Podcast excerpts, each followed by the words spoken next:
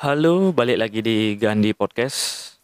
Dan kali ini saya akan membahas tentang suatu hal yang terjadi di Jakarta lagi ya, perpolitikan juga. Jadi tentang pembakaran bendera PDI Perjuangan yang dilakukan para pendemo yang memiliki background Islam ya. Jadi pembakaran ini dilakukan karena menurut video yang saya tonton katanya dijelaskan kalau masyarakat merasa marah dan merasa emosi gitu terhadap RUU HIP yang kemudian larinya menjadi ke mana-mana ya. Jadi para demonstran ini mengambil pola pikir yang sempit ya kalau bisa dibilang gitu.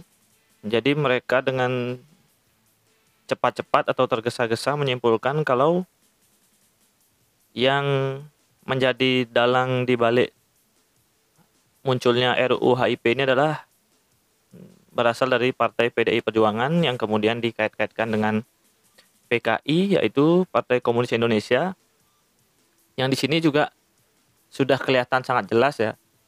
Jadi perpolitikan kita itu sekarang bagaimana orang-orang itu sedang berlomba untuk menciptakan sebuah sosok ya, sebuah sosok yang harus dibenci dan satu sosok yang harus dicintai. Misal cocok sosok yang di yang berusaha dibangun adalah satu komunis, kemudian kedua anti demokrasi, kemudian anti Pancasila dan lain sebagainya. Kemudian yang sisi positifnya mungkin bisa dibilang nasionalis, eh, cinta pada agama, mungkin eh, bela agama, kemudian beberapa bentuk sosok-sosok ya, artinya yang mencoba dibangun jadi dengan adanya sosok dibenci seperti komunis dan anti demokrasi, jadi orang-orang berlomba-lomba menuduh lawan politiknya masuk dalam golongan tersebut gitu. Jadi ini semacam kondisi yaitu sebuah good versus evil ya. Jadi orang-orang berusaha menempatkan dirinya pada posisi yang good kemudian menempatkan lawan politiknya di posisi yang evil. Dan di sini yang mau saya komentari adalah alasan menarik kesimpulan kalau RUU HIP itu dikait-kaitkan atau disimplifikasi oleh pemerintah kemudian diciutkan menjadi Partai PDI Perjuangan dan kemudian diasosiasikan ke Partai Komunis Indonesia. Yang di sini menurut saya adalah sebuah doktrinasi yang salah ya apabila dilakukan secara terus-menerus karena saya percaya semua informasi yang disampaikan terus-menerus dengan nada yang begitu meyakinkan akan menciptakan suatu kenyataan baru di kepala orang-orang yang mendengarkan argumen tersebut gitu. Jadi yang mau saya bilang adalah bagaimana kita membedah kasus RUU HIP ini ya. Jadi jangan langsung disimplifikasi, jangan cuma mendengar kata-kata orang yang menciptakan kesimpulan dengan cepat. Jadi menurut saya kita harus mencari data dan fakta yang sebenar-benarnya ya. Jadi menurut atau di podcast saya sebelumnya yang menjelaskan tentang RUU HIP, saya setuju dengan argumen undang-undang ini tidak diwujudkan karena apabila saya mendengar alasan-alasan yang dikemukakan oleh para pakar, jadi di sana begitu objektif gitu. Jadi bagaimana undang-undang ini tidak harus diprioritaskan dulu karena masih banyak masalah lainnya seperti virus corona. Jadi para pakar yang menyampaikan pendapat itu tidak serta-merta menunjuk partai PDIP sebagai dalangnya. Apalagi sampai menyimpulkan kalau PDIP ini berusaha menjadikan atau mengubah dasar negara kita menjadi komunis gitu. Kemudian dikait-kaitkan dengan PKI. Yang kita tahu juga ternyata kalau RUU ini yang diajukan oleh DPR yang disetujui oleh semua fraksi kecuali fraksi partai PKS karena tidak mencantumkan landasan dasarnya eh, TAP MPR tahun 1966 ya nomor 25 yang mau saya garis bawahi di sini adalah disetujui oleh semua fraksi kecuali PKS. Jadi kalau di, bisa dibilang semua fraksi kan termasuk Golkar, Demokrat dan semuanya ya setuju kecuali PKS kenapa hanya disimplifikasi menjadi PDIP semata gitu. Dan ini menurut saya adalah sesuatu yang salah dan pola pemikiran logika yang sungguh sangat mensimplifikasi ya. Dan menurut saya ini adalah sebuah rencana ya yang dilakukan atau orang-orang yang memiliki motivasi lain di balik gencarnya isu RUU HIP ini. Jadi menurut saya para penumpang gelap penumpang gelap ini berusaha memberikan doktrinasi ya, mencekoki pikiran orang-orang ini kalau pelaku yang harus benar-benar dihukum itu disimplifikasi menjadi partai PDI Perjuangan. Yang di sini menurut saya salah dan beberapa orang juga menjadikan ini sebagai panggung politik untuk bisa masuk mungkin mempengaruhi masyarakat juga ya untuk membenci partai PDI Perjuangan. Dan ini menurut saya adalah sebuah kesalahan ya yang beberapa jam yang lalu yang saya saksikan juga di beberapa media berita di kanal YouTube-nya kalau Ketua Umum PDIP Ibu Megawati sudah mengeluarkan surat harian ya kepada para kadernya untuk selalu siap siaga dan memproses segala macam secara hukum ataupun uh, kesiapsiagaan para kadernya ya untuk segera memproses mungkin secara implisit ya disampaikan kalau orang-orang dengan tujuan untuk menyerang partai PDIP untuk segera di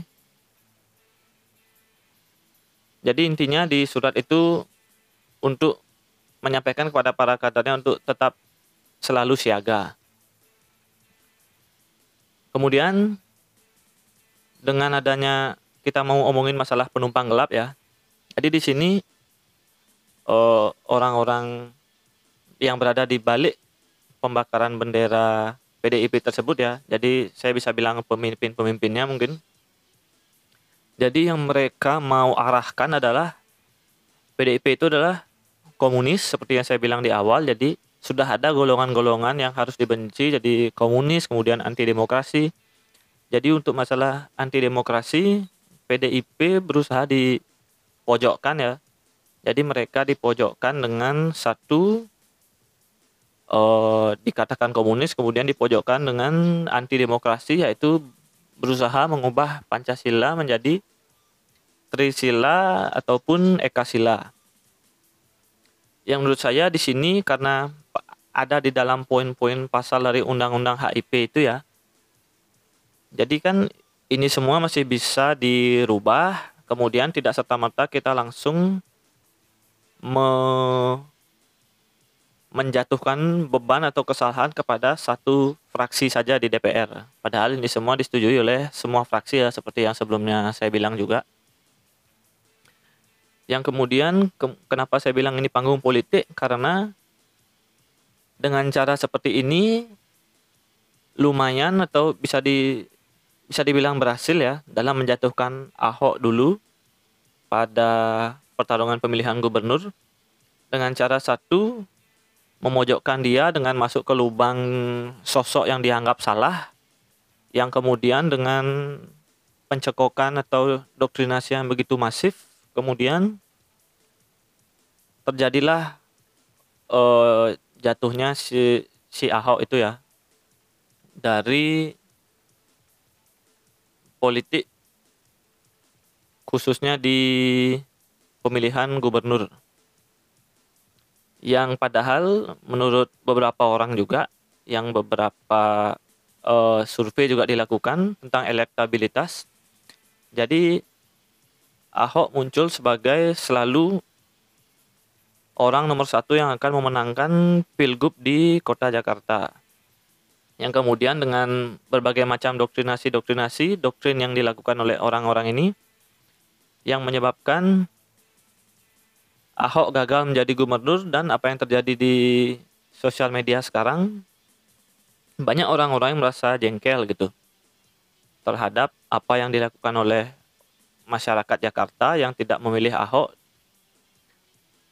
Kemudian dengan ada munculnya beberapa banyak meme yang menurut saya ini benar-benar meme yang keluar dari orang-orang yang merasa prihatin gitu, yang merasa Jakarta sudah memilih pemimpin yang salah. Dan yang menjadi yang membuat saya geram juga muncul beberapa orang yang menjadi simpatisan Anies Anies Baswedan ya yang saya tahu mungkin itu beberapa adalah orang-orang buzzer ya kalau istilahnya sekarang. Dan orang-orang di balik Ahok adalah orang-orang yang benar-benar menyukai dia secara pribadi tanpa dibayar dan benar-benar secara objektif menilai dia dan menilai cara kepemimpinan dia dalam mengubah kota Jakarta gitu. Dan kaitannya dengan RUU HIP ini menurut saya mungkin ini adalah tingkat lanjut ya. Jadi polanya sama cuma caranya yang berbeda. Polanya adalah memojok-mojokkan orang ke dalam suatu sosok yang dibangun yaitu sosok yang harus dibenci. Jadi ini menjadi sebuah yang seperti saya tadi bilang ya, polanya sama, kemudian jangan sampai outcome-nya juga sama, yaitu turunnya Ahok yang sudah dipercaya menjadi atau memimpin kota Jakarta dengan baik. Dan yang mau saya bilang adalah jangan sampai momen ini menjadikan Bapak Jokowi ya bahkan sampai Bapak Jokowi sampai turun. Jadi menurut saya ini jangan sampai terjadi.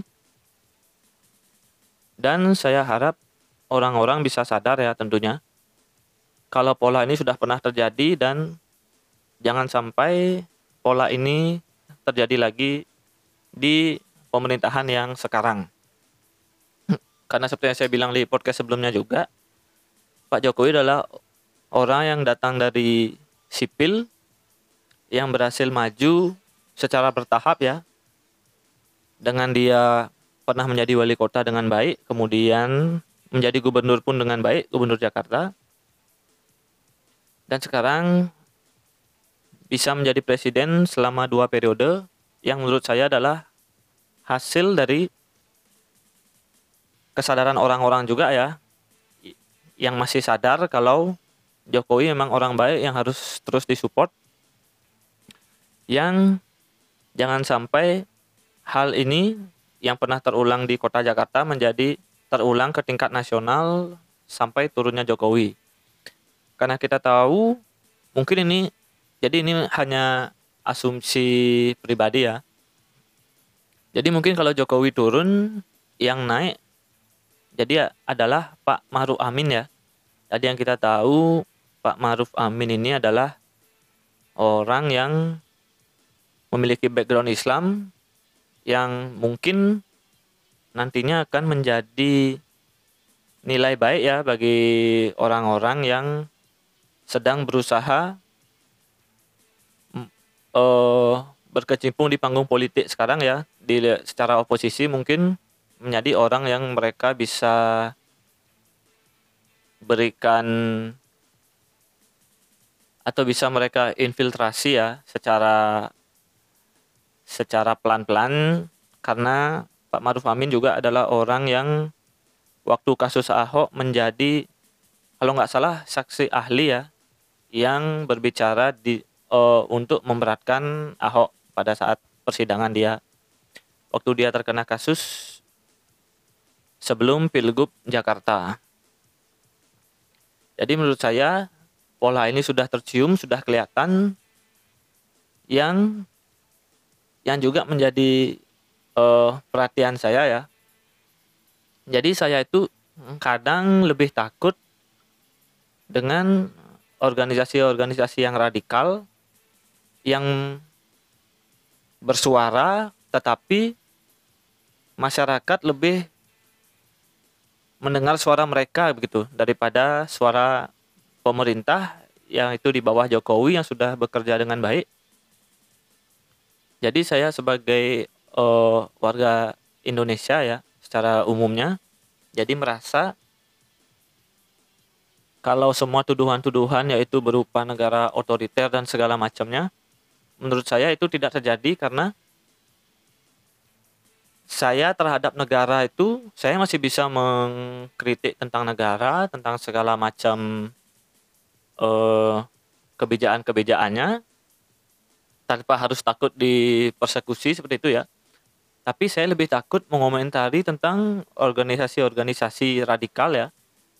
Karena saya takut malah di sana uh, akan muncul persekusi terhadap saya gitu. Jadi saya lebih takut organisasi daripada negara. Dan di sana menurut saya adalah satu hal yang bertolak belakang ya kalau dibilang negara itu otoriter begitu. Bahkan orang-orang dengan biasa atau dengan normal uh, bisa dibilang mengkritik pemerintah bahkan mengkritik presiden secara personal ya yaitu secara Bapak Jokowi di kata-katain seperti itu dan berbeda dengan bagaimana kita mengomentari tentang ormas, ormas-ormas radikal seperti yang saya lihat juga. Jadi perpolitikan di Jakarta ya, yang saya tonton juga, yang saya perhatikan juga, yang saya ikuti juga. Jadi orang-orang itu lebih takut mengomentari tentang organisasi yang di luar pemerintahan, yaitu organisasi oposisi ya, daripada mengomentari tentang pemerintahan gitu. Jadi yang mana lebih otoriter, organisasi atau pemerintahan? So, saya harap uh, kalian bisa berpikir dengan jernih juga dan memberi komentar tentang RUU HIP ini. Dan saya juga berharap pola yang sama tetap tidak terulang lagi ya, apalagi sampai ke tingkat nasional. So, sekian dulu podcast hari ini. Saya Gandhi dari Bali. Sampai jumpa di podcast selanjutnya.